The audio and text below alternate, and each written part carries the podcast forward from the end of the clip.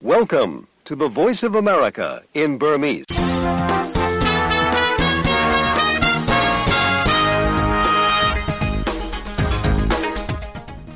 င်္ဂလာပါ VOA American အတန်ရဲ့2024ခုနှစ်ဇန်နဝါရီလ28ရက်နေ့တနင်္ဂနွေနေ့မနက်ဖြန်ရေဒီယိုရုပ်သံအစီအစဉ်တွေကို American ပြည်ထောင်စု Washington DC မြို့တော်ကနေတိုက်ရိုက်စတင်ထုတ်လွှင့်နေပါပြီ။ဒါအပြင် VOA ရဲ့ Facebook နဲ့ YouTube စာမျက်နှာတွေကပါဒီတိုင်းနဲ့တိုက်ရိုက်စတင်ထုတ်လွှင့်နေပါတယ်။ကျွန်တော်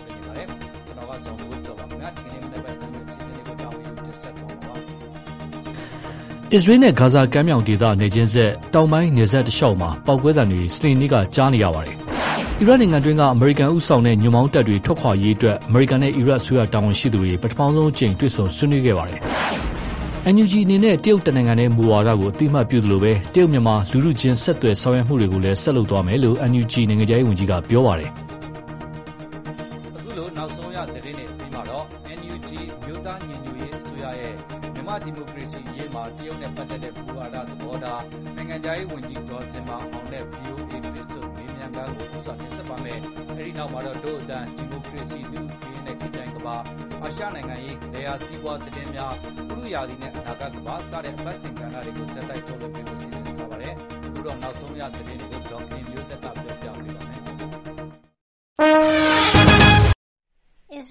မတ်စ်တို့ကြား တိုက်ပွဲတွေ ဖြစ်ပွားနေတာ ၃ လကျော်လာပြီဖြစ်ပြီး စနေနေ့ကလည်း အစ္စရေးနဲ့ ဂါဇာကမ်းမြောင်ဒေသကြားက တောင်ပိုင်းနယ်စပ်တလျှောက်မှာ ပေါက်ကွဲသံတွေ ကြားနေရပါတယ်။အစ္စရေးဘက်က ဥသြဆွဲသံတွေကိုလည်း နယ်စပ်တလျှောက်က ပေါက်ကွဲသံတွေနဲ့အတူ ကြားနေရတာပါ။သောကြာနေ့ကတော့ ကုလသမဂ္ဂရဲ့ အမြင့်ဆုံးတရားရုံး ICJ က အစ္စရေးကို ဂါဇာဒေသတွင်း သေဆုံးမှုတွေနဲ့ ပျက်စီးမှုတွေ မဖြစ်အောင် တတ်နိုင်သမျှ ဆောင်ရွက်ဖို့နဲ့ လူမျိုးတုန်းသတ်ဖြတ်မှုဆိုင်ရာ ဘယ်လုပ်ဆောင်မှုမျိုးဖြစ်ဖြစ် မလုပ်ဖို့ ညွှန်ကြားခဲ့တာ ဖြစ်ပါတယ်။ ဒါ့အပြင် ပါလက်စတိုင်းပိုင်နက်အတွင်း စစ်ရေးထိုးစစ်ဆင်မှုတွေကို အဆုံးသတ်ဖို့ ICJ က အမိန့်ချမှတ်ခဲ့ပြီး အစ္စရေးရဲ့ စစ်ပွဲကာလအတွင်း ကျူးလွန်မှုတွေအတွက် အပြစ်တင်ခဲ့ပါတယ်။ပါလက်စတိုင်းသား၂၆,၀၀၀ကျော် သေဆုံးခဲ့ရပြီး ဂါဇာဒေသတလွှား အကြီးအကျယ် ပျက်စီးခဲ့ရသလို ဒေသခံ ၈၅ ရာခိုင်နှုန်းနီးပါးလောက် အိုးအိမ်စွန့်ခွါထွက်ပြေးကြရတဲ့လေးလနီးပါး ကြာနေပြီဖြစ်တဲ့ စစ်ပွဲ ရပ်ဆိုင်းဖို့လည်း နိုင်ငံတကာက ဖိအားတွေ ပေးနေတာ ဖြစ်ပါတယ်။ အစ္စရေးတောင်ပိုင်းကို ဟာမတ်စ်စစ်သွေးကြွတွေ ဝင်ရောက်တိုက်ခိုက်ခဲ့တဲ့အတွက် လူပေါင်း ၁,၂၀၀ လောက် သေဆုံးပြီး ၂၅၀ လောက်ဓားစာခံအဖြစ် အဖမ်းခံခဲ့ရတဲ့ အောက်တိုဘာ ၇ ရက်ကစပြီး ဂါဇာမှာ ဟာမတ်စ်တွေ ထိန်းချုပ်မှု အဆုံးသတ်ဖို့ အစ္စရေးဘက်က ထိုးစစ်ဆင် တိုက်ခိုက်နေတာလည်းဖြစ်ပါတယ်။ IS စစ်သွေးကြွတွေကို နှိမ်နင်းဖို့ အီရတ်ကို ရောက်နေတဲ့ အမေရိကန်ဦးဆောင်တဲ့ မဟာမိတ်တပ်တွေ ပြန်ထွက်ခွါရေးအတွက် အမေရိကန်နဲ့ အီရတ်အစိုးရတို့ကြား ပထမအကြိမ်တရားဝင်ဆွေးနွေးပွဲကို ဘဂ္ဂဒက်မှာ စနေနေ့က ကျင်းပခဲ့တယ်လို့ အီရတ်ဝန်ကြီးချုပ် Mohammad Shia al-Sudani က ပြောပါတယ်။လက်ရှိဖြစ်ပွားနေတဲ့ အစ္စရေး-ဟာမတ်စ် စစ်ပွဲကို ဆန့်ကျင်တဲ့အနေနဲ့ အီရန်အထောက်အကူပေးနေတဲ့ စစ်သွေးကြွတွေက အီရတ်နဲ့ ဆီးရီးယားမှာရှိတဲ့ အမေရိကန်တပ်တွေကို ပစ်မှတ်ထားပြီး ဒရုန်းနဲ့ တိုက်ခိုက်နေချိန်မှာပဲ အခုလို အီရတ်က မဟာမိတ်တပ်တွေ ပြန်ထွက်ခွါရေး ဆွေးနွေးပွဲကို စတင်ခဲ့တာလည်းဖြစ်ပါတယ်။ အခုလို တပ်တွေ ရုပ်သိမ်းရေးနဲ့ ပတ်သက်ပြီး ညှိနှိုင်းရေးကော်မတီတရပ် ဖွဲ့စည်းရေး အစီအစဉ်ကို ပြီးခဲ့တဲ့နှစ်ထဲမှာ ပထမဆုံး ဆွေးနွေးခဲ့တယ်လို့ အမေရိကန်က ပြောပါတယ်။အီရတ်ကို အမေရိကန် ဝင်ရောက်တိုက်ခိုက်ခဲ့တဲ့ ၂၀၀၃ ခုနှစ်ကစပြီး အီရတ်မှာ အမေရိကန်တပ်တွေ ရှိနေတာပါ။ဒါပေမယ့် ၂၀၁၁ မှာ အမေရိကန် တိုက်ခိုက်ရေးတပ်တွေ အားလုံး အီရတ်က ပြန်ထွက်ခွါကြတာဖြစ်ပြီး ၂၀၁၄ မှာတော့ အီရတ်အစိုးရရဲ့ IS စစ်သွေးကြွ နှိမ်နင်းရေးမှာ ကူညီဖို့ ထောင်နဲ့ချီတဲ့ တပ်တွေ ပြန်ပို့ပေးခဲ့တာပါ။ အီရတ်မှာ IS တွေ ထိန်းချုပ်တဲ့ နယ်မြေတွေ ပြန်ရခဲ့တဲ့အပြင် ၂၀၂၀ မှာ အီရန်ဗိုလ်ချုပ်ကြီး Qassem Soleimani နဲ့ အီရတ်စစ်သွေးကြွခေါင်းဆောင် Abu Mahdi al-Mohandes တို့ အမေရိကန်လေကြောင်းတိုက်ခိုက်မှုမှာ သေဆုံးခဲ့တဲ့နောက် မဟာမိတ်တပ်တွေ ပြန်ဆုတ်ခွါဖို့ အီရတ်အာဏာပိုင်တွေက မကြာမကြာ တောင်းဆိုခဲ့တာ ဖြစ်ပါတယ်။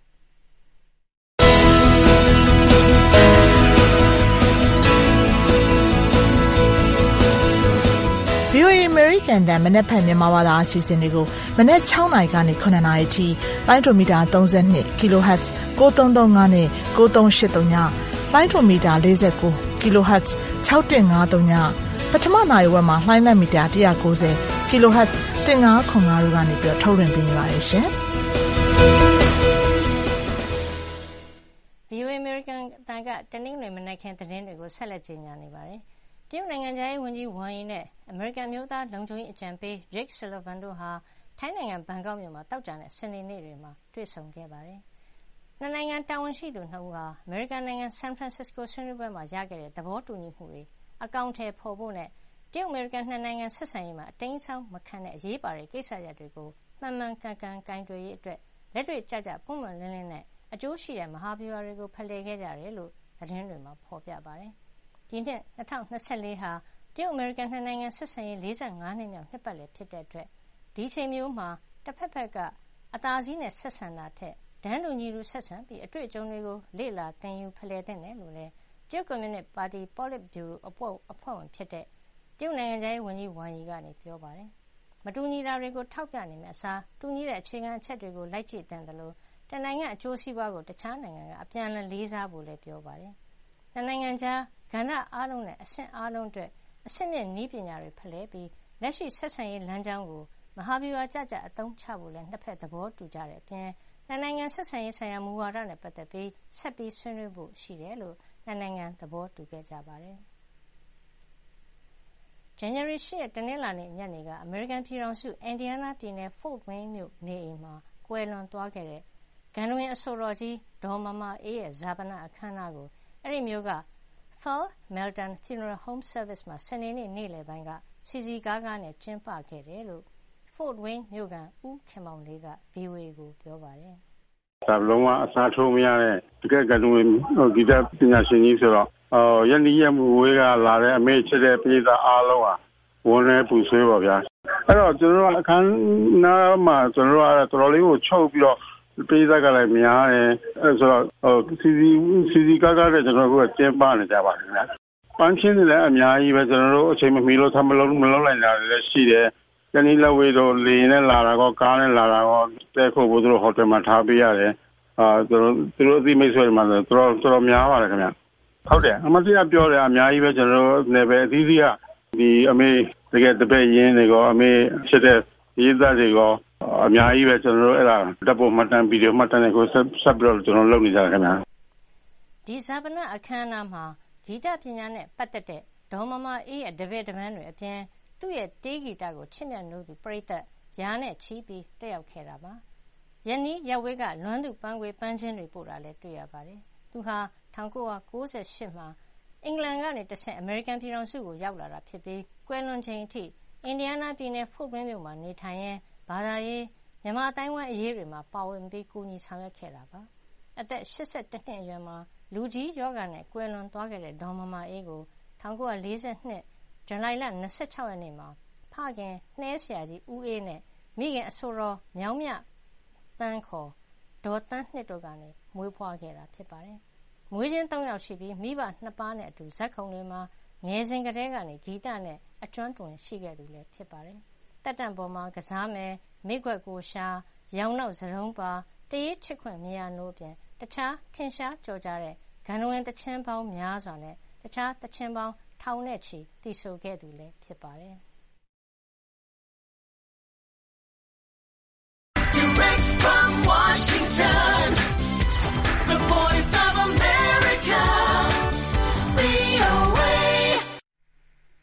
သတင်းတွေကို ဒေါ်ခင်မျိုးသက်ပြောပြသွားတာပါခင်ဗျာအခုတော့ အပတ်စဉ်ကဏ္ဍတွေ မတိုင်မီ NUG နိုင်ငံခြားရေးဝန်ကြီး ဒေါ်ဇင်မာအောင်နဲ့ VOA တွေ့ဆုံမေးမြန်းခန်းကို ကြည့်ရှုနားတော်တာဆင်ရပါမယ် စစ်အာဏာရှင်စနစ် အမြစ်ပြတ်ရေးမှာ အနောက်ဒီမိုကရေစီနိုင်ငံတွေ ထောက်ခံရုံနဲ့ မလုံလောက်လို့ တရုတ်မူဝါဒကို သီးသန့်ထုတ်ပြန်ရတာဖြစ်ပြီး တော်လှန်ရေးအတွက် အကျိုးအမြတ်ရှိစေမယ်လို့ ယုံကြည်တဲ့အတွက် ထုတ်ပြန်ရတာဖြစ်တယ်လို့ အမျိုးသားညီညွတ်ရေးအစိုးရ NUG ရဲ့ နိုင်ငံခြားရေးဝန်ကြီး ဒေါ်ဇင်မာအောင်က VOA နဲ့ သီးသန့်မေးမြန်းခန်းမှာ ပြောဆိုခဲ့ပါတယ်။ One China Policy တရုတ်တနိုင်ငံတည်းမူဝါဒအပေါ် ထောက်ခံချက်ကိုလည်း ကာကွယ်ပြောဆိုခဲ့ပါတယ်။ဝါရှင်တန်ဒီစီ VOA ရဲ့စတူဒီယိုထဲမှာ ဒေါ်ဇင်မာအောင်ကို VOA ဝိုင်းတော်သား ကိုငြိမ်းချမ်းအေး သီးသန့်တွေ့ဆုံမေးမြန်းချက်ထဲက တချို့ကို ကောက်နုတ်တင်ပြလိုက်ပါတယ်။ NUG ကထုတ်ပြန်ထားတယ်ပေါ့နော်ဝန်ကြီးတို့ဌာနကထုတ်ပြန်ထားတဲ့တရုတ်နိုင်ငံပေါ်မူဝါဒတွေနဲ့ပတ်သက်ပြီးတော့ကျွန်တော်ဒီဆွေးနွေးခန်းလေးကိုအဓိကဆွေးနွေးချင်ပါတယ်ခင်ဗျဟုတ်ကဲ့အဲ့တော့ NUG နဲ့နှစ်ဆန်းတော့တရုတ်နိုင်ငံနဲ့ပတ်သက်တဲ့မူဝါဒထုတ်ခဲ့တယ်အဲ့တော့ဒီလိုထုတ်တဲ့အချိန်မှာပေါ့နော်ဒါတသက်မမတ်ထုတ်တာဆိုလို့ဒါပထမဆုံးချိန်လို့ပြောလို့ရတယ်ဒါကနှစ်ဆန်းမှာဖြစ်လာတယ်၃နှစ်နီးပါးကြာတဲ့အချိန်ကျမှဖြစ်လာတယ်အဲပြီးတော့ဘာကြောင့်လဲပေါ့နော်အဲအဲ့ဒါလေးကနေစပြီးတော့ဘာကြောင့်ဒီချိန်မှာထုတ်ပြန်လဲဆိုတာပြောပြပေးပါမယ်ဟုတ်ကဲ့ဒါတော့ဟို ပြည်တွင်းမှာရှိနေတဲ့နိုင်ငံရေးအရဖြစ်ပေါ်တိုးတက်မှုတွေစီးရေးအရဖြစ်ပေါ်တိုးတက်မှုတွေနဲ့အတူဟကျမတို့နိုင်ငံတကာဆက်ဆံရေးအထူးသဖြင့်တော့အိန္ဒိယချင်းနိုင်ငံတွေနဲ့ဆက်ဆံရေးဒေသတွင်းနိုင်ငံတွေပေါ်မှာထားတဲ့သဘောထားပေါ့နော်ဒါတွေကိုကျမတို့လည်းပြန်ပြီးတော့ဟို alignment ပြန်လုပ်ရတာတွေရှိပါတယ်ဆိုတော့တကယ်တကယ်ကကြတော့အိန္ဒိယချင်းနိုင်ငံတွေရဲ့မူဝါဒနဲ့ပတ်သက်လို့2021ခုနှစ်ကျမတို့နှစ်ကုန်ပိုင်းလောက်ကတခါထုတ်ဖူးပါတယ် အဲအထူးသဖြင့်တော့အိန္ဒိယချင်းနိုင်ငံတွေပေါ်မှာထားတဲ့သဘောထားပေါ့နော်ဆိုပြီးတော့ထုတ်ပြန်ခဲ့ပူတာရှိတယ်အဲ့ဒီကတချို့အချက်လက်တွေလည်းပါတယ်အဲထို့အတူတရုတ်တနိုင်ငံနဲ့မူဝါဒလို့ပြောရတာကမြန်မာအရေးနဲ့ပတ်သက်လို့ရှိရင်နိုင်ငံတကာကရောအထူးသဖြင့်ဒီပေါ့နော်အများစုဒီမိုကရေစီနိုင်ငံတွေကပါအာဆီယံ focus ဖြစ်လာတာရယ်နောက်တစ်ခုကဒီလုံခြုံရေးကောင်စီမှာဆိုလို့ရှိရင်လည်းပဲအားလုံးသိတဲ့အတိုင်းပဲတရုတ်ကအာဘာပဲပြောပြောပေါ့နော်ဒီအများရန်အဖွဲ့ဝင် နိုင်ငံဖြစ်တယ်ဗီဒီယိုပါဝါပိုင်တဲ့နိုင်ငံတစ်နိုင်ငံလည်းဖြစ်တယ်ပေါ့နော်ဆိုအဲ့တော့အားလုံးကိုခြုံငုံပြီးတော့မြေပြင်ရဖြစ်ပေါ်တိုးတက်မှုတွေရောနိုင်ငံတကာမှာရှိနေတဲ့အခန်းကဏ္ဍတွေကိုရောချိန်ဆပြီးတော့ကျမတို့ရဲ့ geographical location အရလိုအပ်လို့ကျမတို့ထုတ်ပြန်ရခြင်းဖြစ်ပါတယ်ဟုတ်ကဲ့ဗျဒီမူဝါဒထဲမှာတရုတ်တပြည်တော်မူဝါဒကို NUG အနေနဲ့ထောက်ခံတယ်ဆိုပြီးပြောထားတယ်ပေါ့နော်ဒီအပေါ်မှာတချို့ဝေဖန်ကြတာရှိတာပေါ့နော်ဥပမာဆိုရင်ဒီဟောင်ကောင်တို့ထိုင်ဝမ်တို့ကဒီကျွန်တော်တို့2021 February နောက်ပိုင်းမှာလူဦးဒေါ်လာရေးစတော့အဲ့လူငယ်လေးတွေက ဒီလှုပ်ရှားမှုမှာဝိုင်းဝန်းပူးပေါင်းပါဝင်ကြတာရှိတယ်ပေါ့နော်အဲ့ပေါ်မျက်ကွယ်ပြူတာရောက်တယ်ပေါ့နောက်တစ်ခုကတော့နိုင်ငံရေးအရဆိုရင်ဒီကိုကြမကိုဖန်တီးခွင့်ကိုပိုင်ရက်တီခွင့်ပေါ့နော်လူမျိုးစုတွေအနေနဲ့ရှိရမယ်ဆိုတာမျိုးတွေရှိတယ်ပေါ့နိုင်ငံရေးအရလည်းဝိဝါဒကွဲစရာလေးတွေဖြစ်တာပေါ့နော်နောက်တစ်ခုကတော့ခေတ်ဆက်ဆက်ဒီတရုတ်ပြည်မာကြီးကဒီပြည်တွင်းနိုင်ငံရေးပုံမှာလွှမ်းမိုးပြီးတော့ထူးထူးဖြင့်တော့စစ်ကောင်းဆောင်တွေပေါ်ပံ့ပိုးမှုတွေရှိတော့ဒီပြည်သူလူထုရဲ့အမြင်ကလည်းမကြည်လင်တာရှိတာပေါ့နော်အဲ့တော့ဒီတရုတ်နိုင်ငံရဲ့မူဝါဒတပြည်တော်ရဲ့မူဝါဒအပေါ်မှာဒီလိုမျိုးဝေဖန်ကြတာ ပေါ်ဘယ်လိုပြန်ပြီးတော့တုံ့ပြန်မှတ်ချက်ပြုကြမှာလဲဗျဟုတ်ကဲ့တကယ်တော့ပထမဆုံးအနေနဲ့ကျွန်မအဓိကသတိထားမိတာကကျွန်တော်တို့သုံးတာတရုတ်တပြည်တောင်မူဝါဒမဟုတ်ပါဘူးတရုတ်တနိုင်ငံနဲ့မူဝါဒပါတပြည်တောင်မူဝါဒနဲ့တနိုင်ငံနဲ့မူဝါဒကအဓိပ္ပာယ်အပြင်တော့ကွဲလွဲမှုရှိလိမ့်မယ်လို့ကျွန်မမြင်ပါတယ်အဲ့တော့တနိုင်ငံနဲ့မူဝါဒကိုဆိုလိုတာဖြစ်ပါတယ်ဆိုတော့တနိုင်ငံနဲ့မှာမှာ two system ဆိုပြီးတော့သွားနေတဲ့တရုတ်ခေါင်းဆောင်တွေကိုယ်တိုင်ထုတ်ဖော်ပြောဆိုနေတာတွေလည်းရှိသလိုကမ္ဘာနိုင်ငံအများစုပေါ့နော်အများစုကလည်းပဲဒီမူဝါဒကိုပဲလက်ခံကျင့်သုံးပြီးတော့တရုတ်နဲ့ engage လုပ်နေကြတာဖြစ်တယ်ဒါဟာခုနပြောတဲ့လူလူလှုပ်ရှားမှုတွေ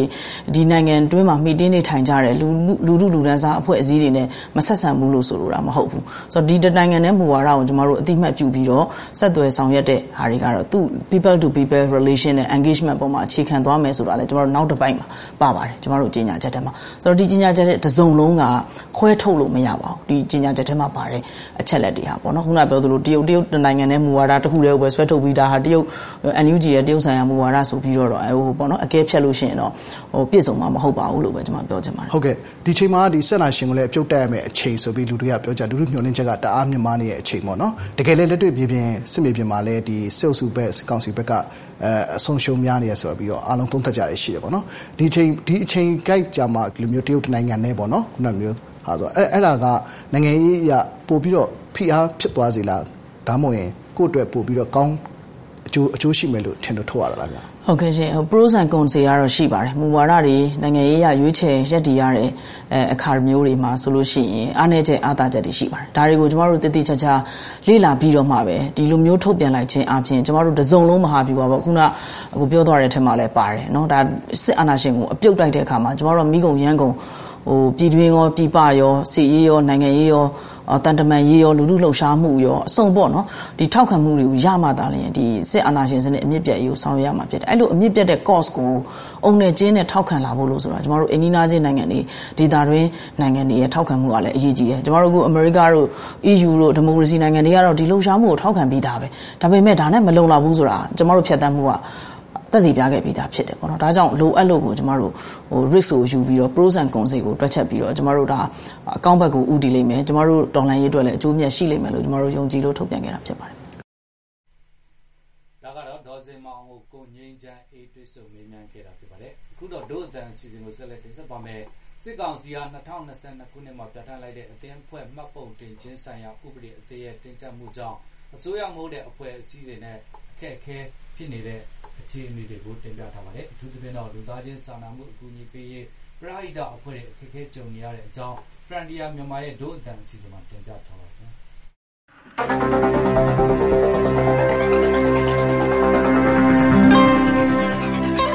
ဒီရက်ဖွဲ့ဥပဒေကအသင်းဖွဲ့ဖတ်ပုံတင်ထားတဲ့အဖွဲ့အစည်းတော်၎င်းဖတ်ပုံမတင်ထားတဲ့အဖွဲ့အစည်းတော်၎င်း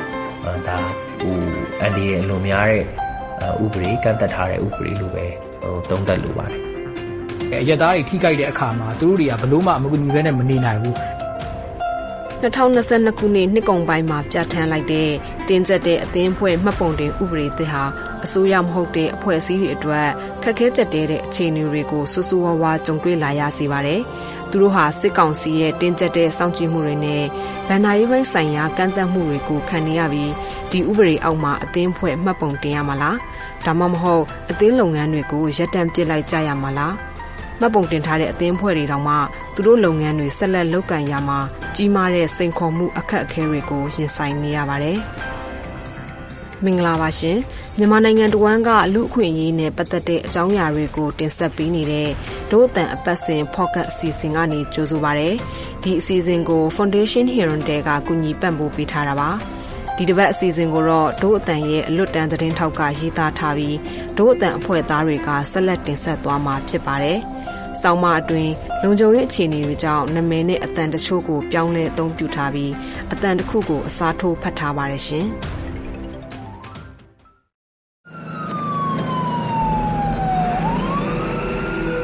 မြန်မာပြည်ကကျွန်တော်တို့ local ပရာဟိတမပြောနဲ့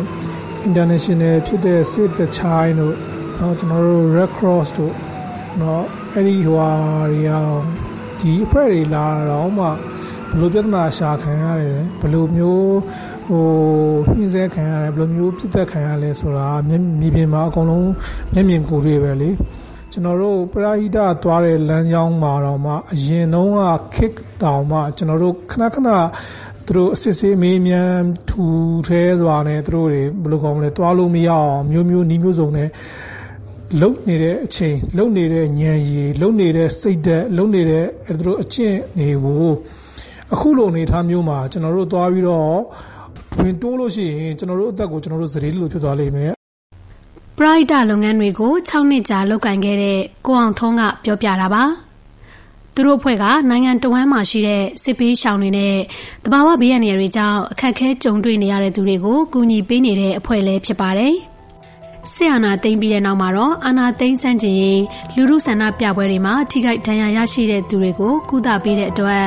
ကိုအောင်ထွန်းတို့ပရိုက်တာအသင်းရုံးခန်းကိုစစ်ကောင်စီကဝင်ရောက်စီးနင်းခဲ့ပါတယ်။အဲဒီနောက်သူတို့လုပ်ငန်းတွေကိုအချိန်တော်ကြာဆက်လက်လုပ်ကိုင်ခဲ့ပေမဲ့ဝန်ထမ်းတချို့ကတော့စစ်ကောင်စီရဲ့လိုက်လံဖမ်းဆီးမှုတွေကြောင့်နှီးမျိုးစုံနဲ့ပုံရှောင်နေခဲ့ရပါတယ်။လိုက်ဖမ်းတာတော့နှစ်ကြိမ်ရှိဘူးတယ်။ပထမတစ်ကြိမ်ကတော့ အမျိုးတွေအိမ်မှာတန်ကောင်းလို့ပေါ့နော်အဝင်လေးအထွက်လေးတစ်ချက်လွဲသွားတယ်အာကျွန်တော်လည်းထွက်တဲ့အချိန်နောက်ကဝင်စီးတဲ့အချိန်ပေါ့မိသားစုနဲ့ပတ်သက်ပြီးပြောပြချင်တာကတော့ကျွန်တော်ထွက်လာလည်းတော်တော်ကြာပြီလေကျွန်တော်ဟိုဟိုပါပေါ့ကြောက်လို့ပေါ့နော်ကျွန်တော်နဲ့ပတ်သက်ပြီးတော့ဟိုဟာအဖန်စီနှိပ်စက်တာခန်းမှာဆိုလို့နဲ့တူပါတယ်ကျွန်တော်အဆက်တော်လည်းမလုပ်တော့ဘူးပရိုက်တာလုပ်ငန်းတွေကိုလောက်ကင်နေတဲ့သူတွေက NRA ကြားမှာလောက်ကင်နေကြရတာတော့အသေးချပါပဲ။ 2023ခုနှစ်က ကုလသမဂ္ဂ လူခွေရေးဆိုင်ရာ မဟာမင်းကြီး Volker Turk ရဲ့ ပြောကြားချက်အရဆိုရင် အာဏာသိမ်းပြီးတဲ့နောက်ပိုင်းကုညီကယ်ဆယ်ရေးလုပ်ငန်းတွေမှာ ပါဝင်လုပ်ကိုင်နေတဲ့ ပရိုက်တာသမား အနည်းဆုံး40ကျော် သေဆုံးပြီး200ကျော်က ဖမ်းဆီးခံထားရပါတယ်။ဒါပေမဲ့လည်း ကိုအောင်ထွန်းရဲ့ အဖွဲ့အစည်းနဲ့ လှုပ်ရှားမှုတွေကို ရပ်တန့်သွားစေတဲ့ အဓိက အကြောင်းရင်းကတော့2022ခုနှစ် အောက်တိုဘာလက ပြဋ္ဌာန်းလိုက်တဲ့ အသင်းအဖွဲ့အမှတ်ပုံတင်ဥပဒေ ဖြစ်ပါတယ်။ စစ်ကောင်စီရဲ့အသစ်ပြဋ္ဌာန်းလိုက်တဲ့ဥပဒေအသစ်မှာဆိုရင်အစိုးရမဟုတ်သောအဖွဲ့အစည်း NGO တွေကမဖြစ်မနေမှတ်ပုံတင်ဖို့လိုအပ်ပြီးမလိုက်နာဘူးဆိုရင်ပြစ်မှုပြစ်ဒဏ်ချမှတ်နိုင်တဲ့အထိပါဝင်ပါတယ်။အဖွဲ့အစည်းတွေအနေနဲ့အရင်မှတ်ပုံတင်တွေကိုတက်တန်းကုန်တဲ့အထိအသုံးပြုနိုင်မှာဖြစ်ပေမဲ့ဥပဒေအသစ်မှာပါရှိတဲ့အချက်လက်တွေကိုတော့လိုက်နာရမှာဖြစ်ပါတယ်။ ဥပဒေအသစ်မှာအသင်းအဖွဲ့အတွင်းဗန္နာရေးရှင်းနှန်းတင်ပြခိုင်းတာတွေစစ်ကောင်စီကအကြမ်းဖက်သမားဖြစ်သတ်မှတ်ထားသူတွေသတ်မှတ်ထားတဲ့အဖွဲ့အစည်းတွေကိုဆက်သွယ်ထောက်ပံ့ပေးတာတွေကိုတားမြစ်ထားပါတယ်။ဒါအပြင်အသင်းဖွဲ့တွေရဲ့လှုပ်ဆောင်ချက်အသေးစိတ်အချက်လက်တွေကိုအစီရင်ခံတင်ပြပေးဖို့ပါရှိပါတယ်။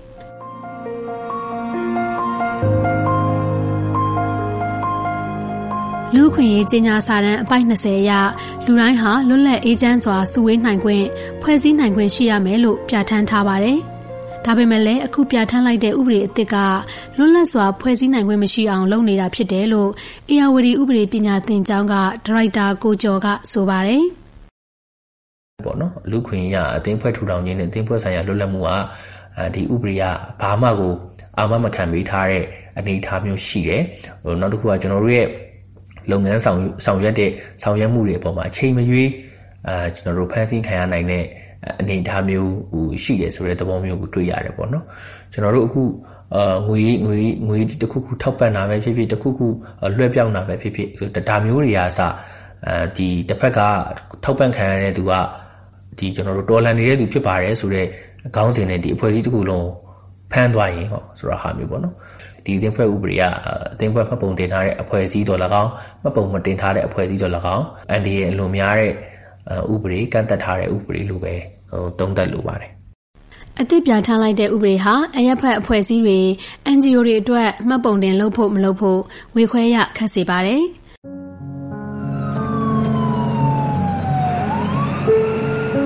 မဖြူတီကရန်ကုန်ပရဟိတကူညီရေးအသင်းဥက္ကဋ္ဌတဦးဖြစ်ပြီးတော့သူတို့အသင်းကနိုင်ရေးကူညီမှုတွေနဲ့စေယုံစည်းကမ်းပို့ဆောင်တာတွေကိုလုပ်ကင်ပေးနေပါတယ်။အစဉ်စဉ်လုံးဆောင်ရမှုတွေကြောင့်အချိန်ကုန်တာတွေငွေကုန်ကြေးကျများတာတွေရှိပေမဲ့သူမတို့ဖွဲ့ကဥပဒေသေးအောက်မှာမှတ်ပုံတင်ခဲ့ပါတယ်။ဒါပေမဲ့လည်းအခုချိန်ထိအခက်အခဲတွေကြုံတွေ့နေရတော့မယ်လို့သူမကပြောပြပါဗျ။ လိုင်စင်ရပြီးပေမဲ့လည်းညဘက်ကူညီမယ်ဆိုရင်ကြိုးကြောင်းကြရတာတွေရှိတယ်။အသင်းတည်နေရာကနေစထွက်မယ်ဆိုပြီးကားဆက်နှုတ်ကလေးကသတင်းပို့ရတယ်။ကားနံပါတ်ဘလောက်ပဲသွားမယ်ဘယ်လူနာကိုတည်မယ်သတင်းပို့ရတယ်။အသင်းသားအားလုံးကို Viber အဖွဲ့လှုပ်ထားပြီးတယ်ဓာတ်ပုံအချိန်အကုန်ပို့ရတယ်။နှောင့်နှေးတာတော့ရှိပေမဲ့ပို့ရတယ်။ ဥပဒေအသစ်ဟာအရက်ဖက်အဖွဲ့အစည်းတွေပေါ်ဘလောက်တက်ရောက်မှုရှိသလဲဆိုတာနဲ့ပတ်သက်ပြီး The International Center for Not for Profit Law ICNL ကအစီရင်ခံစာနှစ်ဆောင်ကိုပြီးခဲ့တဲ့6လအတွင်းကထုတ်ပြန်ထားပါတယ်။အဲ့ဒီထဲမှာဆက်လက်လဲပတ်နေတဲ့အဖွဲ့အစည်းတွေကိုမေးမြန်းထားပြီးစစ်တမ်းဖြည့်စုသူ90ရာခိုင်နှုန်းကျော်က၎င်းတို့ကိုအနိကစောင့်ကြည့်ခံနေရပြီးအကန့်အသတ်တွေနဲ့ပဲလောက်ကင်နေရတယ်လို့ဆိုကြပါတယ် တကယ်တော့ပြိပခဖြစ်တဲ့နေရာတွေမှာဆိုရင်စစ်ကောင်စီရဲ့ထိန်းချုပ်ထားတဲ့နေရာတွေကအန္တရာယ်ပိုများလှပါတယ်။ကိုချမ်းကမွန်ပြည်နယ်မှာပရိုက်တာလုပ်ငန်းတွေကိုဆယ်စုနှစ်တခုကြာလှုပ်ဆောင်ခဲ့တဲ့မွန်ပြည်နယ်ပရိုက်တာအဖွဲ့ရဲ့ပြောရေးဆိုခွင့်ရှိသူဖြစ်ပါတယ်။သူတို့အဖွဲ့ဟာဥပဒေသစ်အောက်မှာမှတ်ပုံတင်ထားပါတယ်။အရသားတွေထိကြိုက်တဲ့အခါမှာသူတို့တွေကဘလို့မှမကူညီဘဲနဲ့မနေနိုင်ဘူးမနေနိုင်တဲ့အခါတွားရောက်ကူညီတဲ့အခါကျရင်ဒါစစ်တပ်ကသူတို့အဓိကပြစ်မှတ်ထားပြီးတော့သူတို့လည်းဖန်ဆီးထိန်သိမ်းတဲ့ခံမှာ ပါတယ်ပေါ့နော်ပရိုက်တာသမားတွေကရောဘာဖြစ်လဲဆိုတော့ဒီစစ်တပ်ရဲ့ဒီပြစ်မှတ်ထားတိုက်ခိုက်ခံရတာအပြင်နောက်တစ်ခုကကျတော့ဒီနယ်ဘက်တွေမှာပေါ့နော်နယ်ဘက်တွေမှာလက်နက်ကင်တွေရဲ့ပြစ်မှတ်ထားတိုက်ခိုက်ခံရတာတွေလည်းကြုံနေရတယ်ပေါ့နော်ပြီးခဲ့တဲ့နေ့ကတော့ကပဲမတရားမှာဒါ Brighter အတင်းဥက္ကဋ္ဌတူအဲ့လိုပြစ်ခတ်ခံပြီးတော့တီးဆုံးသွားတယ်ပေါ့နော်အဲ့လိုမျိုးတွေကလည်းဒါ Brighter သမားတွေကလည်းဂျားညက်နေတာပေါ့နော် မြန်မာပြည်သူတွေဟာအရက်ဖက်အဖွဲ့အစည်းတွေစီကအကူအညီကိုခုလောက်လိုအပ်နေတာမျိုးမရှိနိုင်တော့ပါဘူး။ကမ္ဘာကုလသမဂ္ဂကတော့ပြည်ရင်းရွှေပြောင်းနေထိုင်သူနှစ်တန်းကျော်ရှိပြီးတော့လူသားချင်းစာနာထောက်ထားမှုအကူအညီလိုအပ်နေသူက18တန်းကျော်ရှိတယ်လို့ခန့်မှန်းထားပါတယ်။ဒါပေမဲ့ကူညီပေးတဲ့ပရဟိတအသင်းတွေနဲ့စီးရဲဆိုအရေးအတွက်တွေကတော့ကျဆင်းသွားပါတယ်။ အခက်ခဲတွေအန္တရာယ်တွေကြောင့်ကိုအောင်ထွန်းတို့လိုအဖွဲ့အစည်းများစွာဟာမှတ်ပုံတင်တက်တန်းကုန်သွားတဲ့အခါမှာဆက်လက်မတိုးနိုင်တော့ဘဲလုပ်ငန်းတွေကိုရပ်တန့်ပစ်လိုက်ကြရပါတယ်။2023ခုနှစ် ICNL ရဲ့စစ်တမ်းအရဆိုရင်ပြည်내တိုင်းခရိုင်ဆင့်ရှိတဲ့အဖွဲ့အစည်း1400ကျော်ဟာမှတ်ပုံတင်တက်တန်းမတိုးတော့ပါဘူး။စစ်တမ်းတွေက20ရာခိုင်နှုန်းအောက်ဒါမှမဟုတ်9ပုံတစ်ပုံလောက်ကသာမှတ်ပုံတင်တက်တန်းတိုးကြမှာဖြစ်ပါတယ်။ ဘလို့ပဲဖြစ်နေပါစေပရိုက်တာသမားတွေအတွက်ကတော့အသက်ကိုလောင်းကြီးထက်ကကယ်ဆယ်ရေးလုပ်ငန်းတွေကိုလှုပ်ဆောင်နေကြဆဲပါကိုကျော်ထုံးကစစ်ကောင်စီလက်အောက်မှာပရိုက်တာမလုပ်ရပေမဲ့လည်းသူနဲ့သူ့ရဲ့လုပ်ဖို့ကင်ဘက်တွေကတိုင်းရင်းသားလက်နက်ကင်တွေထိန်းချုပ်ထားတဲ့ဒေသတွေမှာပရိုက်တာအလုပ်တွေကိုဆက်လက်လှုပ်ဆောင်နေဆဲဖြစ်ပါတယ်။သူ့မိသားစုကိုထိခိုက်မှာစိုးတဲ့အတွက်မိသားစုကိုလည်းအဆက်အသွယ်မလုပ်ပါဘူး။ ဒါပေမဲ့လည်းသူလုံးရမယ့်တာဝန်တွေကိုဆက်လက်လုပ်ကိုင်မှုပဲစိတ်ပိုင်းဖြတ်ထားတယ်လို့ဆိုပါတယ်ဒီလူမှုရေးလုပ်ငန်းတွေ private လုပ်ငန်းတွေအများကိုကူညီပေးတဲ့လုပ်ငန်းတွေကတော့အာကျွန်တော်ထင်ပါတယ်ကျွန်တော်မျက်စိမှိတ်သွားမှပဲရက်မှန်နဲ့တူပါတယ်။ကျွန်တော်အတွေ့ရလည်းဒီလိုမျိုးပဲရှိပါတယ်ခင်ဗျ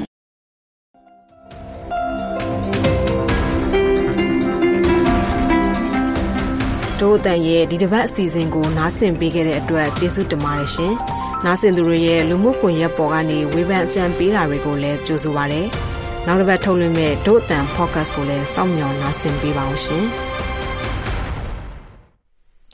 ဒို့အတန်အစီအစဉ်ကိုတင်ဆက်ပြီးပါတော့ဆက်လက်ပြီးဒီမိုကရေစီလူခွင့်နဲ့ခေပြိုင်ကဘာအစီအစဉ်ကိုတင်ဆက်ပါမယ်လူအများစုရဲ့ဘာသာတရားနဲ့လူနည်းစုရဲ့ဘာသာတရားကြားဆက်ဆံရေးဟာနိုင်ငံတနိုင်ငံရဲ့ဒီမိုကရေစီလူခွင့်ရေးနဲ့ငြိမ်းချမ်းရေးကိုအဆုံးဖြတ်ပေးတတ်ပါသလား 1990 NLD လွှတ်တော်အမတ်ဟောင်း ဒေါက်တာတင့်ဆွေနဲ့ ဦးတင်မောင်သန်းတို့က ဆက်သွယ်မေးမြန်းဆွေးနွေးထားပါတယ်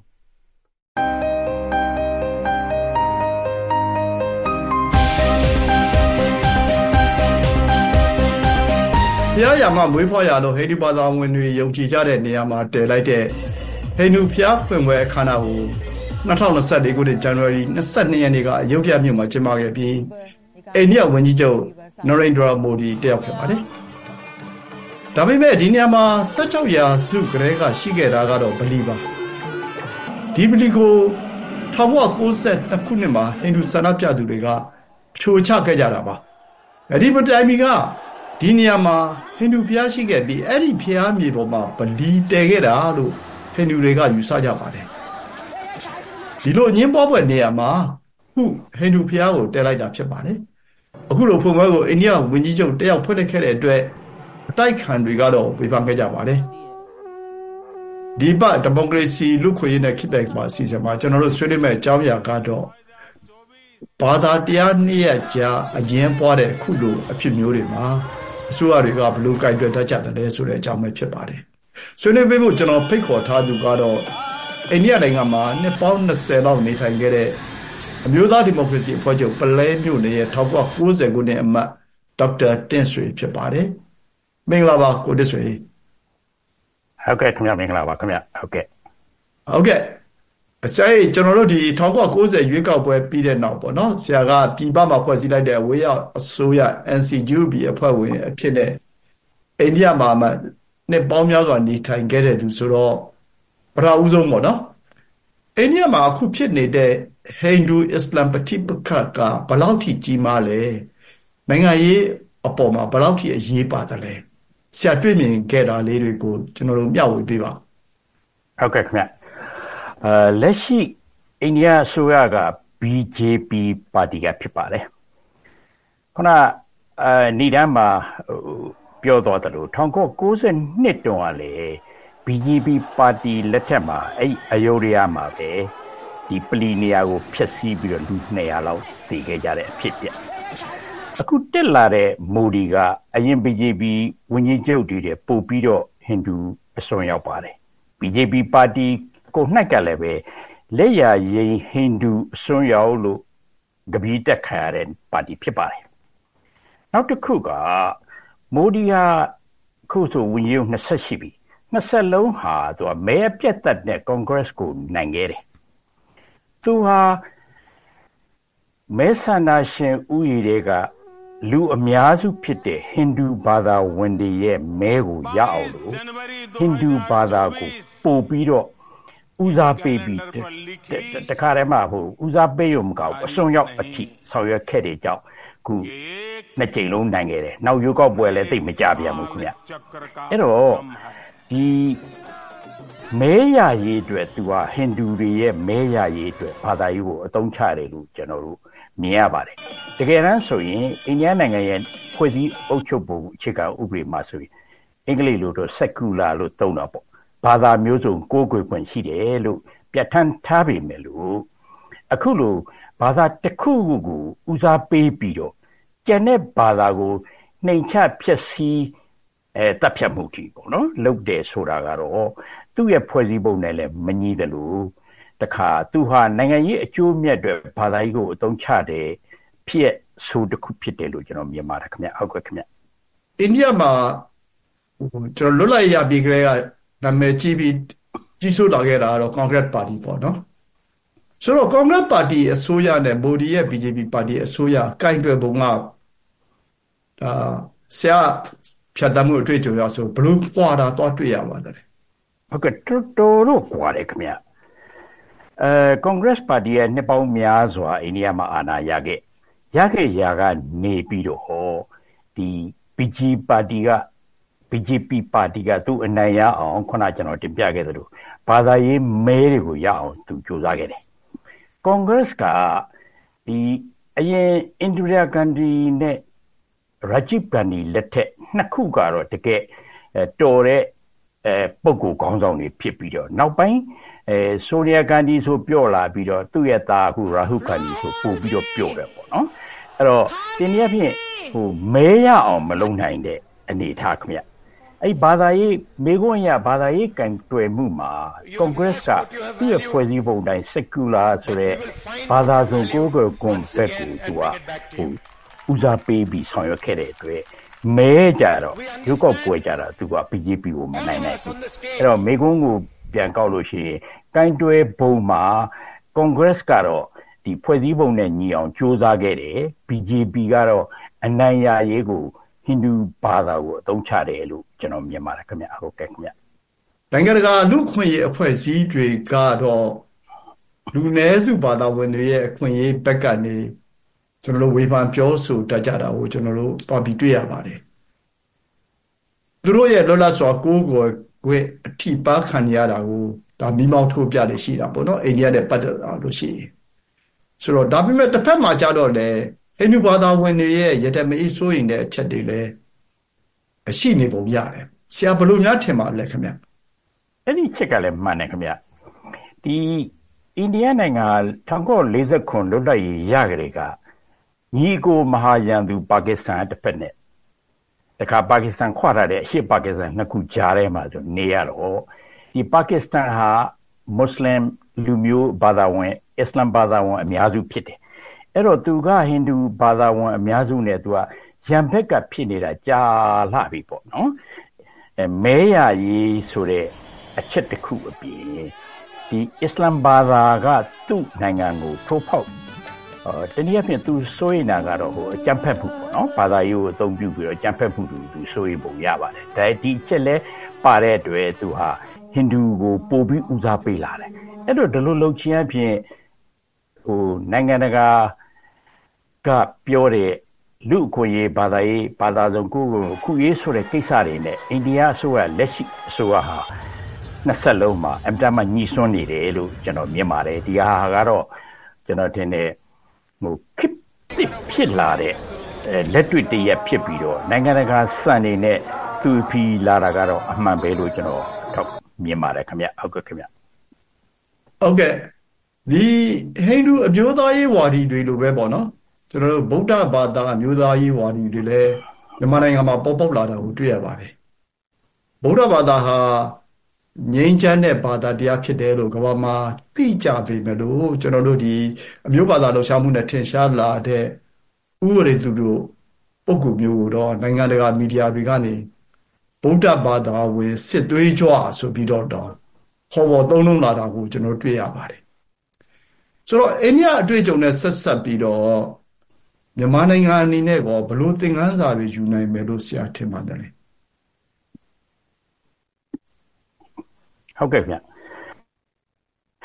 အဲပြီးခဲ့တဲ့ NLD ဆိုရလက်ထက်လောက်တခါအဲ့ဒီအရင်ဦးသိန်းစိန်သမ္မတလက်ထက်ဆိုရလောက်မှာဒီမြန်မာနိုင်ငံမှာဗုဒ္ဓဘာသာကိုနိုင်ငံရေးအသုံးချမှုကနိုင်ငံတကာသိအောင်ကိုထင်နေပေါ်ပေါ်ဖြစ်သွားကြတာအမှန်ပါပဲခင်ဗျဝန်ကြီးဦးနုလက်ထက်တုန်းကလည်းဗုဒ္ဓဘာသာကိုသူအသုံးချခဲ့တယ်လို့တခြားဘာသာဝင်တွေကထောက်ပြချက်ကလည်းရှိထားတယ်သို့တော်လည်းပဲ ဒီဒီဥဝရိတုပေါ့နော်ဥပမာဆိုခုနောက်ဆိုသူ့တဲ့တောင်မကတခြားကိုတော်တွေလည်းပေါ်လာတယ်ပေါ့နော်အဲ့လောက်ထိကတော့ဟိုမဆိုးခဲ့ပဲနဲ့အခုဆိုးလာတယ်ပေါ့ဒါပေမဲ့ကျွန်တော်မြင်တာကမြန်မာနိုင်ငံမှာဒီဗုဒ္ဓဘာသာကိုအသုံးချမှုဟာဟိုနိုင်ငံရေးအမျက်တစ်ခုအတွက်သာဖြစ်ပြီးတော့သူတို့အောင်မြင်နိုင်မှာမဟုတ်ဘူးလို့ကျွန်တော်ယူဆပါတယ်ဒါကြောင့်လည်းသူတို့ထိန်းသိမ်းသိမ်းနဲ့တော့ ဟိုအသုံးချနေတယ်ဘုန်းကြီးတွေဆရာတော်တွေလို့ပေါ့နော်သုံးချနေတယ်ဒါပေမဲ့လူအများစုဟာသိတဲ့အတိုင်းဘယ်ဘာသာဝင်မဆိုကိုယ့်ဘာသာကို ရှေ့တန်းတည်ရင်နောက်ကမျက်စိမိတ်ပြီးနားပိတ်ပြီးလိုက်ကြတဲ့အကျင့်ကတကဘာလုံးမှာပါကျွန်တော်တို့နိုင်ငံနေမကပါဘူးအဲ့တော့ဒီဟာအမတန်ဘာသာရေးဟာအမတန်ကောင်းတဲ့လက်နက်ကြီးဖြစ်တော့ကစူးစမ်းနေကြမှာတော့အမှန်ပဲသို့တော့ကျွန်တော်မြင်တာကတော့မြန်မာနိုင်ငံမှာကတော့ဒီဗုဒ္ဓဘာသာကို လက်နက်အနေနဲ့အသုံးချခြင်းဟာအခိုက်အတန့်လောက်သာလျှင်သူတို့ထောက်ခံမှုရပြီးတော့ရေရှည်အတွက်အသုံးချတဲ့လူတွေရောတိုင်းပြည်အတွက်ပါမကောင်းနိုင်ဘူးလို့ကျနော်မြင်ပါတယ်ခင်ဗျ။ဟုတ်ကဲ့ခင်ဗျ။ဟုတ်ကဲ့။ကျေးဇူးပဲဆရာကြီး။ဟုတ်ကဲ့။ဟုတ်ကဲ့ခင်ဗျ။ဟုတ်ကဲ့။အခုဘာသာတရားနဲ့ဆက်စပ်နေတဲ့အငြင်းပွားမှုတွေအကြောင်းကိုဆွေးနွေးတင်ပြသွားသူကတော့ ၁၉၉၀ခုနှစ်ပုလဲမြို့နယ်မဲဆန္ဒနယ်ကနေမှရွေးကောက်တင်မြှောက်ခံရတဲ့ NLD လွှတ်တော်အမတ်ဒေါက်တာတင့်ဆွေဖြစ်ပါတယ်။ကျနော်တို့ထောက်ပါ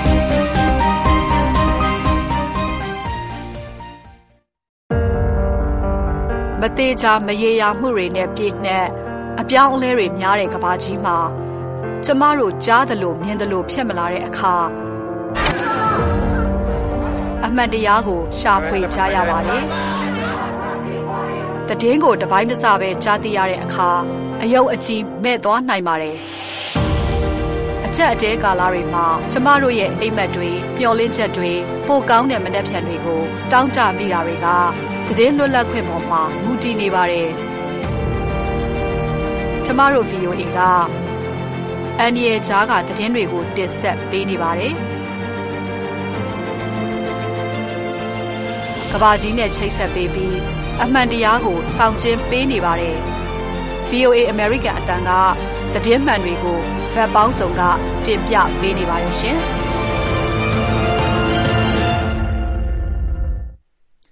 မင်္ဂလာပါ VOA American အတန်ရဲ့တနင်္ဂနွေနေ့မနက်ဖက်ရေဒီယိုရုပ်သံအစီအစဉ်တွေကို Washington DC မြို့တော်ကနေဆက်လက်ထုတ်လွှင့်နေပါတယ်။ရေဒီယိုအတန်လွင့်အစီအစဉ်တွေကိုတော့လိုင်းဒိုမီတာ32နဲ့49တို့ကနေဖမ်းယူနားတော်တာဆင်နိုင်ပါတယ်။ ဆက်လက်ပြီးတော့ အပတ်စဉ်ကဏ္ဍတွေဖြစ်တဲ့ အာရှနိုင်ငံရေး၊လယ်ယာစီးပွားသတင်းများနဲ့ ဥတုရာသီနဲ့ အနာဂတ်ကမ္ဘာစတဲ့ အစီအစဉ်တွေကို တင်ဆက်ပါမယ်။ပထမဆုံးတော့ အာရှနိုင်ငံရေးအစီအစဉ်ပါ။ထိုင်းနိုင်ငံမှာတော့ ရှေ့တိုးချီပါတီခေါင်းဆောင်ပီတာလင်ချရွန်ရတ်ကို လွှတ်တော်ကိုယ်စားလှယ်အဖြစ် ပိတ်ပင်ထားတာကို ဖွဲ့စည်းအုပ်ချုပ်ပုံအခြေခံစည်းမျဉ်းခုံရုံးကနေ ဖယ်ရှားပေးလိုက်ပါတယ်။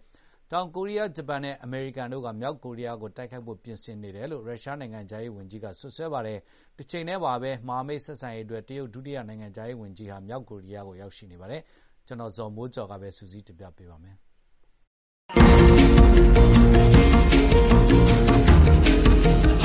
ပြီးခဲ့တဲ့ ၂၀၂၃ ခုနှစ် မေလ ၁၄ ရက်နေ့ ထိုင်းနိုင်ငံ ရွေးကောက်ပွဲမှာ မဲအများဆုံးနဲ့ အနိုင်ရရှိခဲ့တဲ့ ရှေ့တိုးချီပါတီ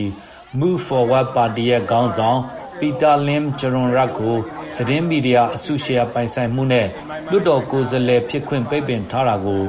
ထိုင်းဖွဲ့စည်းအုပ်ချုပ်ပုံစည်းမျဉ်းတရားရုံးကနေ ပြစ်မှုမမြောက်တဲ့အတွက်ဆိုကာ ဖယ်ရှားပေးလိုက်တဲ့အတွက် ဇန်နဝါရီလ၂၅ရက်နေ့မှာပီတာဟာလွှတ်တော်ကို ပြန်လည်ရောက်ရှိသွားပါတယ်။ သူကသတင်းထောက်တွေကိုအခုလိုပြောဆိုခဲ့ပါတယ်“ဝါဒကรรมฉาบฉวยแต่ว่าเป็นเน้นเรื่องการทำงานลงลึก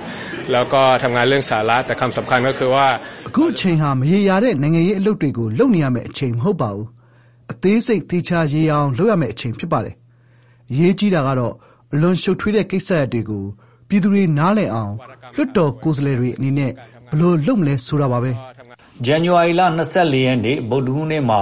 သူ့အပေါ်စွဲဆိုထားတဲ့စွဲချက်ဟာ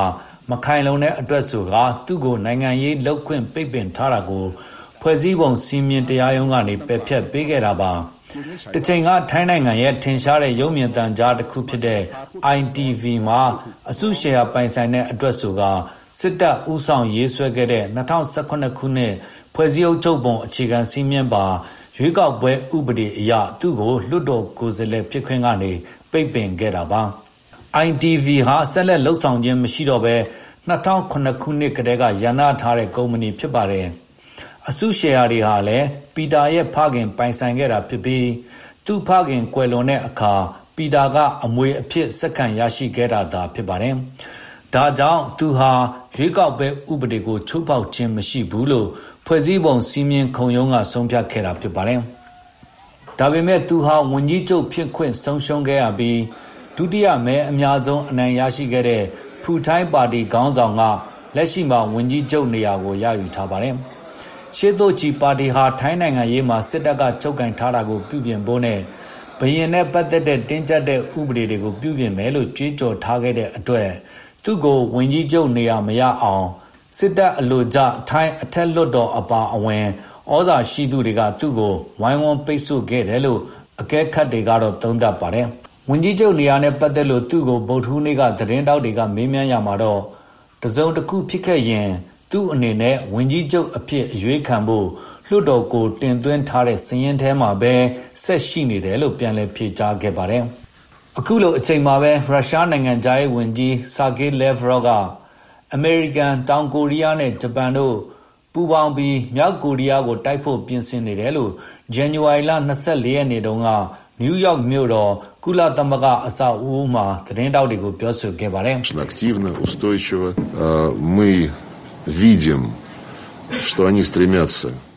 ရုရှားနဲ့ မြောက်ကိုရီးယားရဲ့ ဆက်ဆံရေးဟာ တိုးတက်နေပါတယ်။မြောက်ကိုရီးယားဟာ သူ့ဘာသာသူ လွတ်လပ်လိုတာပါ။ဘယ်သူတီးတဲ့ တီးလုံးမှာမှ လိုက်နေတာ မဟုတ်ပါဘူး။အမေရိကန်ဟာ တောင်ကိုရီးယား၊ဂျပန်တို့နဲ့ ပူးပေါင်းပြီး စစ်အုပ်စုကို ဖွဲ့နေပါတယ် ဒါ့အပြင် ကြီးမားတဲ့ ပူးတွဲစစ်ရေးလေ့ကျင့်မှုတွေလည်း ပြုလုပ်နေပြီး မြောက်ကိုရီးယားနဲ့ စစ်ပွဲအတွက် ပြင်ဆင်နေတာဖြစ်တယ်လို့ ပြောင်ပြောင်တင်းတင်း ကြေညာထားပါတယ်။”မြောက်ကိုရီးယားဟာ ကုလသမဂ္ဂလုံခြုံရေးကောင်စီက တားမြစ်ထားတဲ့ကြားထဲကပဲ နျူကလီးယားလက်နက် တည်ဆောက်တာတွေကို ဆက်လက်လုပ်ခဲ့ပြီး တိုက်ချင်းပစ်အပါအဝင် မစ်ဇိုင်းဒုံးတွေကို တောင်ကိုရီးယားနဲ့ ဂျပန်အနီး ပင်လယ်ပြင်တွေထဲကို အကြိမ်ကြိမ် ပစ်လွှတ်စမ်းသပ်ခဲ့ပါတယ်။ဒါကြောင့် မြောက်ကိုရီးယားက တိုက်ခိုက်လာရင် တုံ့ပြန်ဖို့ ပူးတွဲစစ်ရေးလေ့ကျင့်နေတာဖြစ်တယ်လို့ တောင်ကိုရီးယား၊ဂျပန်နဲ့ မဟာမိတ်အမေရိကန်တို့က ပြောဆိုထားပါတယ်။အခုလိုအချိန်မှာပဲ တရုတ်ဒုတိယနိုင်ငံခြားရေးဝန်ကြီး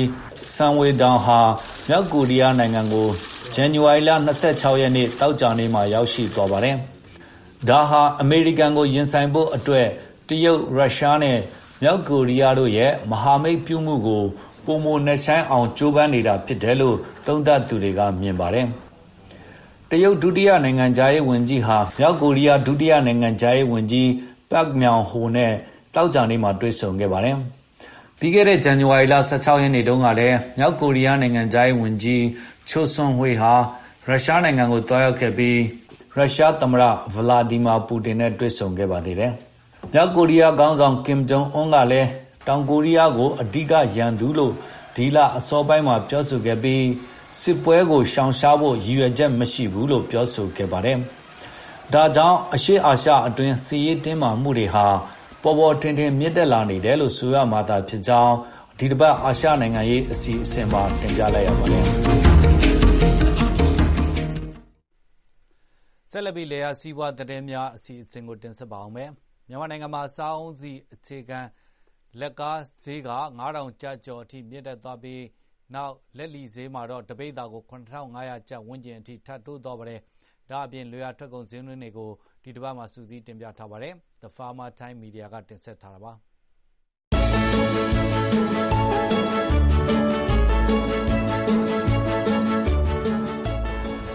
။မင်္ဂလာပါလေယာစီးပွားသတင်းများစီစဉ်ကနေ ကြိုဆိုပါရစေ။လေယာစိုက်ပျိုးရေး ချစ်သူများရှင်လန်းချမ်းမြေ့ကြပါစေရှင်။ ဒီတစ်ပတ်အတွက်လေယာစီးပွားသတင်းတွေကိုကိုမြင့်မင်းဟန်နဲ့သူကျမမီစပယ်ကတင်ဆက်ပေးတော့ပါမယ်။ဒီအပိုင်းတွင်မြန်မာနိုင်ငံလေယာစိုက်ပျိုးရေးနဲ့စီးပွားရေးကဏ္ဍကထိတ်တန်းရောက်နေတဲ့သတင်းတွေထဲမှာတော့စောင်းစီအခြေခံရည်ညွှန်းစည်းနှုန်းတွေမြင့်တက်လာတဲ့ဆိုတဲ့သတင်းနဲ့စကြင်ပါတယ်။အခြေခံလက်ကားရည်ညွှန်းစေးမြင့်တက်လာလို့ဈေးကွက်ထဲမှာစားအုန်းစီတပိတ်တာကို9500ကျပ်ဝန်းကျင်ထိရောက်ရှိလာတယ်လို့စားသုံးသူတွေနဲ့ကုန်သည်တွေကပြောပါတယ်။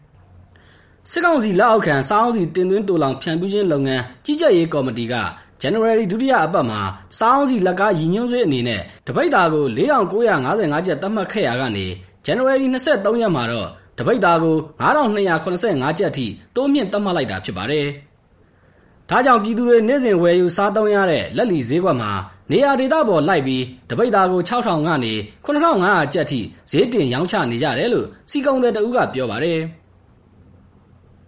တချို့ဒေသတွေမှာစီကို ခွဲတန်းစနစ်နဲ့ ဝယ်ယူနေရပြီးစီဝယ်ယူခွင့်ကပ်ပြားမရရှိတဲ့ စားသုံးသူ ပြည်သူတွေဟာ စားအောင်စီလက်လီရောင်းချသူတွေရဲ့တတ်မှတ်ဈေးအတိုင်း ဈေးပိုပေးပြီး ဝယ်ယူနေရတယ်လို့တင်ငန်းကျွန်းမြို့နယ်က စားသုံးသူ ဒေါ်ကြီးကပြောပါတယ်။စားအုံးစီကြီးကြပ်ရေးကော်မတီကတော့ စားအုံးစီအဓိက ထုတ်လုပ်တင်ပို့တဲ့ မလေးရှားနဲ့ အင်ဒိုနီးရှားနိုင်ငံတို့မှာ ဖြစ်ပေါ်နေတဲ့ FOB ဈေးနှုန်းတွေကို နေ့စဉ်စောင့်ကြည့်နေပြီးတည်ယူစရိတ်၊ဗန်စရိတ် အခွန်အခတွေ ထည့်သွင်းတွက်ချက်ပြီး ပြည်တွင်းဈေးကွက်မှာရောင်းဝယ်ရမယ်အခြေခံလက်ကားရည်ညွှန်းဈေးနှုန်းကိုထုတ်ပြန်ပေးနေတာလို့ပြောဆိုထားပါတယ်။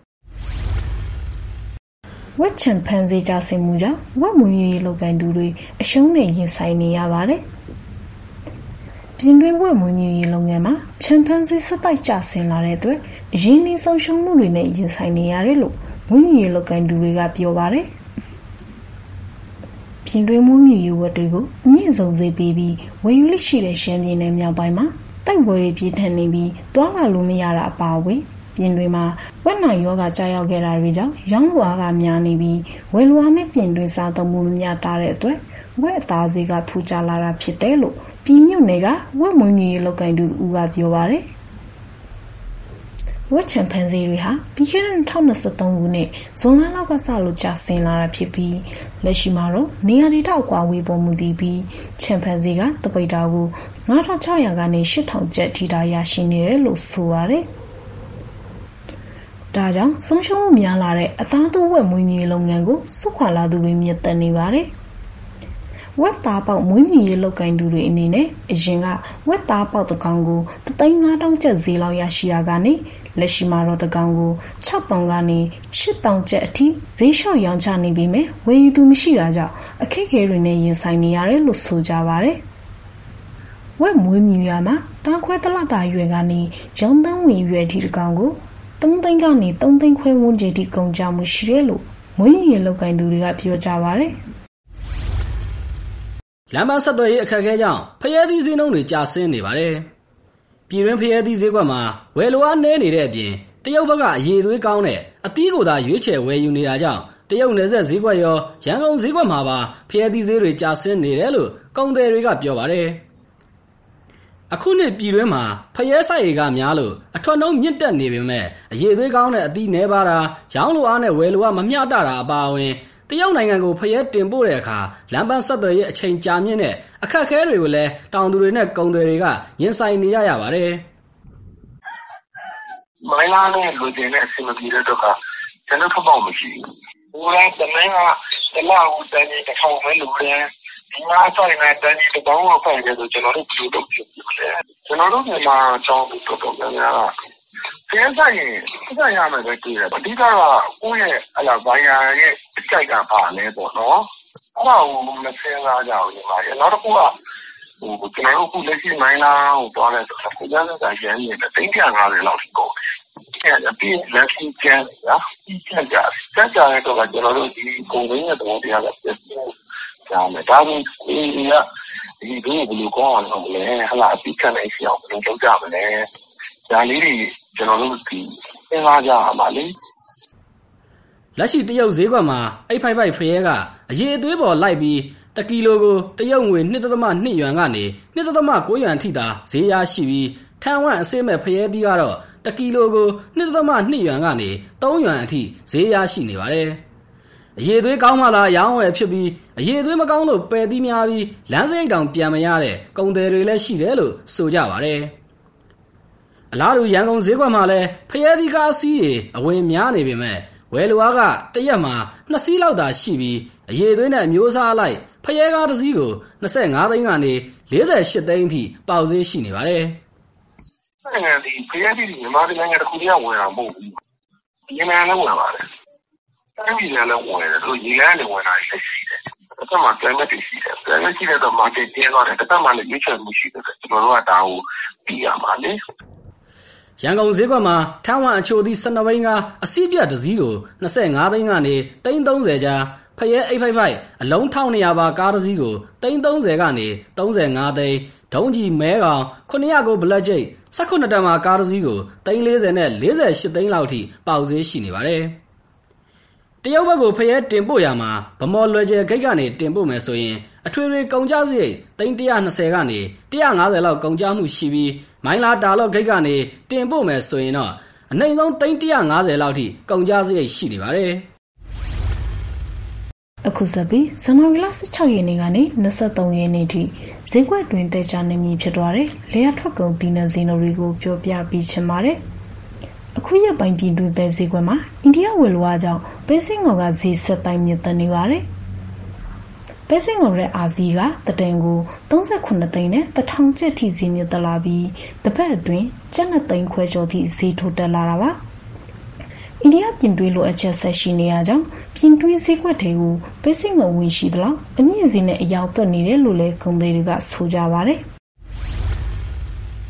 မပဲဈေးကတော့အနည်းငယ်ပြန်ကျဆင်းနေပါတယ်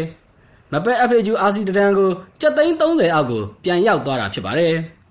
ရန်ကုန်ပြည်အောင်ဈေးကွက်မှာ January 20ရက်နေ့က မပဲ FHU RC တန်ကို730 8000လောက်ထိ ပေါက်ဈေးရှိခဲ့ပေမဲ့ January 23ရက်နေ့မှာတော့တဒံကို29သိန်း9000 5000ကျပ်ကို ပြန်ကျဆင်းသွားပါတယ်။အိန္ဒိယဝယ်လိုအား ဆက်ရှိနေပေမဲ့ရပိုင်းတွင်တဒံကို ကျပ်13000လောက် ပြန်ကျဆင်းသွားတာကို တွေ့ရပါတယ်။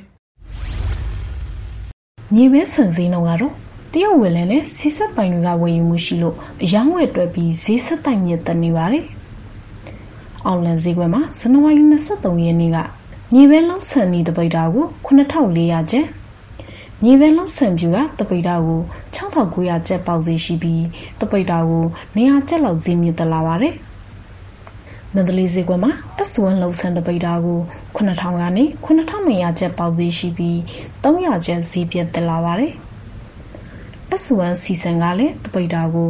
6400ကနေ6500ကျပ်လောက်ပေါက်ဈေးရှိပြီး300ကျပ်လောက်ဈေးတက်လာပါတယ်။မြေပဲအနီလုံးဆန်ကတပိတ်တာကို9900ကနေ8200ကျပ်လောက်ပေါင်စီရှိပြီး200ကျပ်ပြက်စီဆန်က6500ကျပ်လောက်ပေါင်စီရှိနေပြီး200ကျပ်အတီးတီးဈေးမြင့်တက်လာတာကိုတွေ့ရပါတယ်။အခုတင်ဆက်ပေးထားတဲ့တည်နှံဈေးနှုန်းတွေကအချိန်နဲ့မျှပြောင်းလဲမှုတွေရှိနိုင်ပါတယ်ရှင်။ ဒါကတော့လေယာစီးပွားသတင်းများ အစီအစဉ်ကို ကြည့်ရှုနားစောတာဆင်ကြရတာပါ အခုဆက်လက်ပြီးတော့ဥရုယာသည်နဲ့ အနာဂတ်ကဘာ အစီအစဉ်ကို တင်ဆက်ပါမယ်။ရှေ့တောင်အာရှတိုက်ရဲ့ အရှေ့လျားဆုံး မဲခေါင်မြစ်ပေါ်က ရေလှောင်တမံကြီးတွေဟာ မိုးရာသီတွေမှာ ရေသိုလှောင်ထားပြီး ခြောက်သွေ့ရာသီရောက်ရင်တော့ ရေတွေကို လွှတ်ထုတ်ကြပါတယ်။ရာသီဥတုပြောင်းလဲမှု၊ရေထုတ်လွှတ်မှုနဲ့ El Niño အပူလှိုင်းတွေကြောင့် ၂၀၂၄ ခုနှစ်အတွင်း မဲခေါင်မြစ် ဇီဝဂေဟနဲ့ လူမှုဘဝအပေါ် သက်ရောက်နိုင်ခြေတွေကို လေ့လာသုံးသပ်ထားတဲ့ Smithson Center အွန်လိုင်းဆွေးနွေးပွဲတရပ် ကျင်းပခဲ့ပါတယ်။နန်းလောင်ဝ်က စုစည်းတင်ပြထားပါတယ်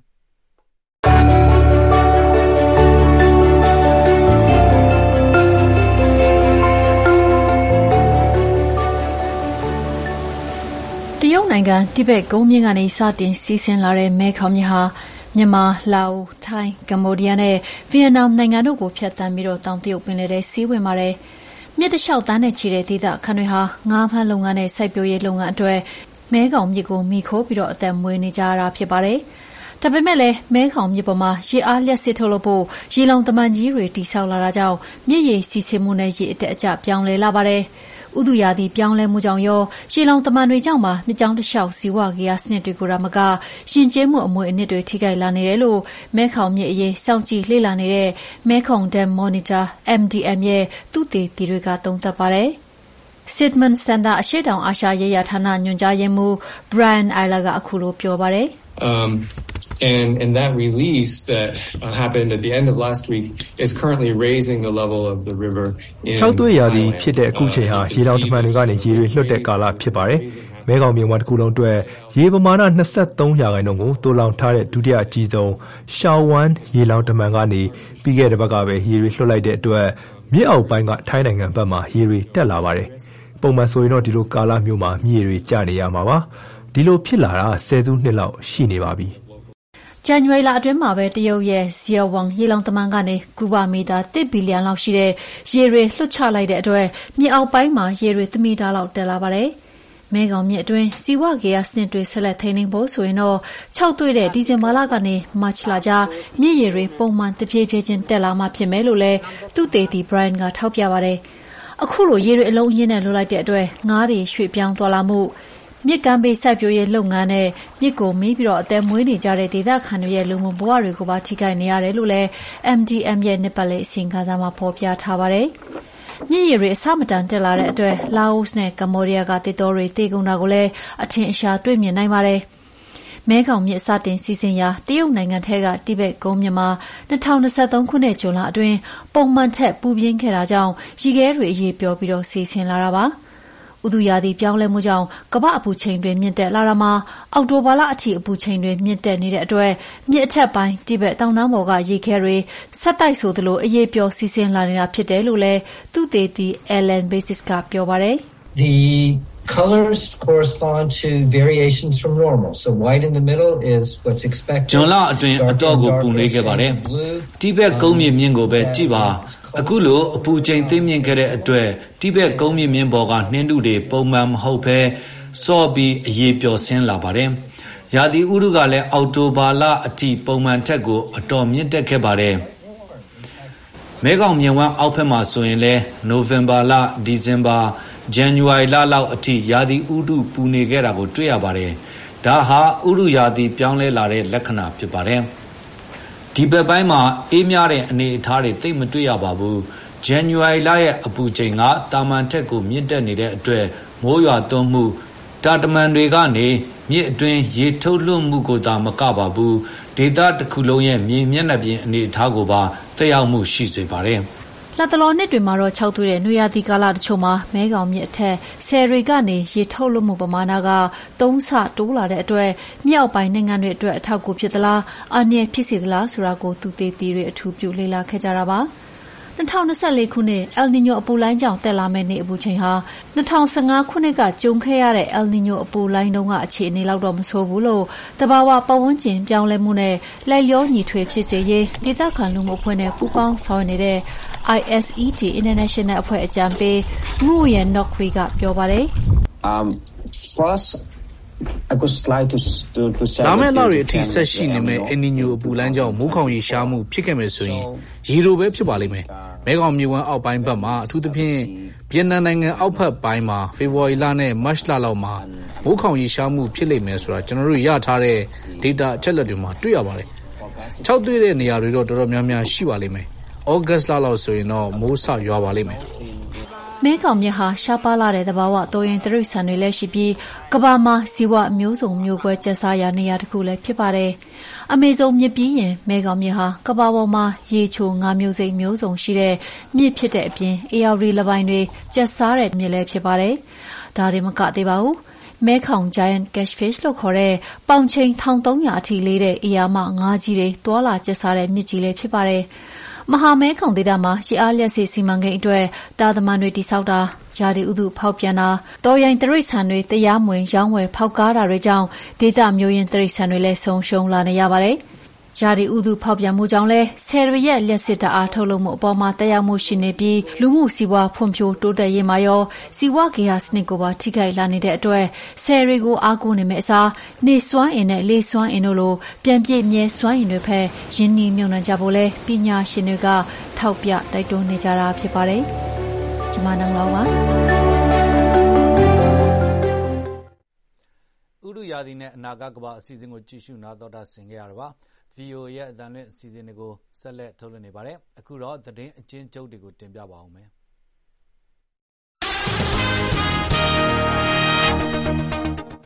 ဇန်နဝါရီလ ၈ ရက်နေ့က အမေရိကန်ပြည်ထောင်စုမှာ ကွယ်လွန်သွားခဲ့တဲ့ ဂန္ဓဝင်အဆိုတော်ကြီး ဒေါ်မာမာအေးရဲ့ ဈာပနအခမ်းအနားကို အင်ဒီယားနားပြည်နယ် ဖို့ဝိန်းမြို့မှာ စနေနေ့က ကျင်းပခဲ့ပါတယ်။ဒီဈာပနအခမ်းအနားမှာ ဒေါ်မာမာအေးရဲ့ တေးဂီတအပေါ် ချစ်မြတ်နိုးသူ ပရိသတ် ရာနဲ့ချီ တက်ရောက်ခဲ့ပြီး စည်ကားသိုက်မြိုက်ခဲ့ပါတယ်။ အသက် ၈၁ နှစ်အရွယ်မှာ လူကြီးရောဂါနဲ့ ကွယ်လွန်သွားခဲ့တဲ့ ဒေါ်မာမာအေးကို ၁၉၄၂ ခုနှစ် ဇူလိုင်လ ၂၆ ရက်နေ့မှာ ဖခင်နှဲဆရာကြီး ဦးအေးနဲ့ မိခင်အဆိုတော် မြောင်းမြသန်း(ခေါ်)ဒေါ်သန်းနှစ်တို့က မွေးဖွားခဲ့ပါတယ် အစ္စရေးနဲ့ ဟာမတ်စ်တို့ကြား တိုက်ပွဲတွေ ဆက်လက်ဖြစ်ပွားနေပြီး စနေနေ့က အစ္စရေးနဲ့ ဂါဇာကမ်းမြောင်ဒေသအကြား ပေါက်ကွဲသံတွေ ထွက်ပေါ်နေခဲ့သလို အစ္စရေးဘက်ကဥသြဆွဲသံတွေလည်း ထွက်ပေါ်ခဲ့ပါတယ်။နယ်စပ်တလျှောက် ထွက်ပေါ်နေခဲ့တာ ဖြစ်ပါတယ်။သောကြာနေ့တုန်းကတော့ ကုလသမဂ္ဂရဲ့ နိုင်ငံတကာ ရာဇဝတ်မှုခုံရုံး ICJ က ဂါဇာဒေသတွင်း လူမျိုးတုံးသတ်ဖြတ်မှုတွေ မလုပ်ဖို့ အစ္စရေးကို သတိပေးခဲ့ပါတယ်။ IS စစ်သွေးကြွတွေကို နှိမ်နင်းဖို့ အီရတ်ကိုရောက်နေတဲ့ အမေရိကန်နဲ့ မဟာမိတ်တပ်တွေ ပြန်လည်ထွက်ခွာရေး အမေရိကန်နဲ့ အီရတ်အစိုးရတို့ ကြာသပတေးနေ့ကဘတ်ဂတ်မှာ တွေ့ဆုံဆွေးနွေးခဲ့ကြပါတယ်။သတင်းအကျဉ်းချုပ်တွေကတော့ ဒီလောက်ပါပဲ။ဒီကနေ့ အစီအစဉ်တွေကို ထုတ်လုပ်နိုင်ဖို့ တာဝန်ယူခဲ့သူတွေထဲမှာ အစီအစဉ်ထုတ်လုပ်ရေးမှူးအဖြစ် ကိုငြိမ်းချမ်းအေးက တာဝန်ယူပါတယ်။ ရုပ်သံအင်ဂျင်နီယာကတော့ James Smith ဖြစ်ပါတယ်။ VOA ရဲ့ တနင်္ဂနွေနေ့မနက်ဘက် အသံလွှင့်အစီအစဉ်တွေလည်း ဒီမှာ တင်မဲ့ပြီးဆုံးပြီ ဖြစ်ပါတယ်။ VOA ကို ကြည့်ရှုနားတော်တာဆင်တဲ့ကျေးဇူးတင်ပါတယ်။သောတာရှင်များဒီများလည်းဘေးရန်တွေကင်းဝေးကြပါစေ။ကျွန်တော်ကတော့ ဇော်မိုးကျော်ပါဗျာ။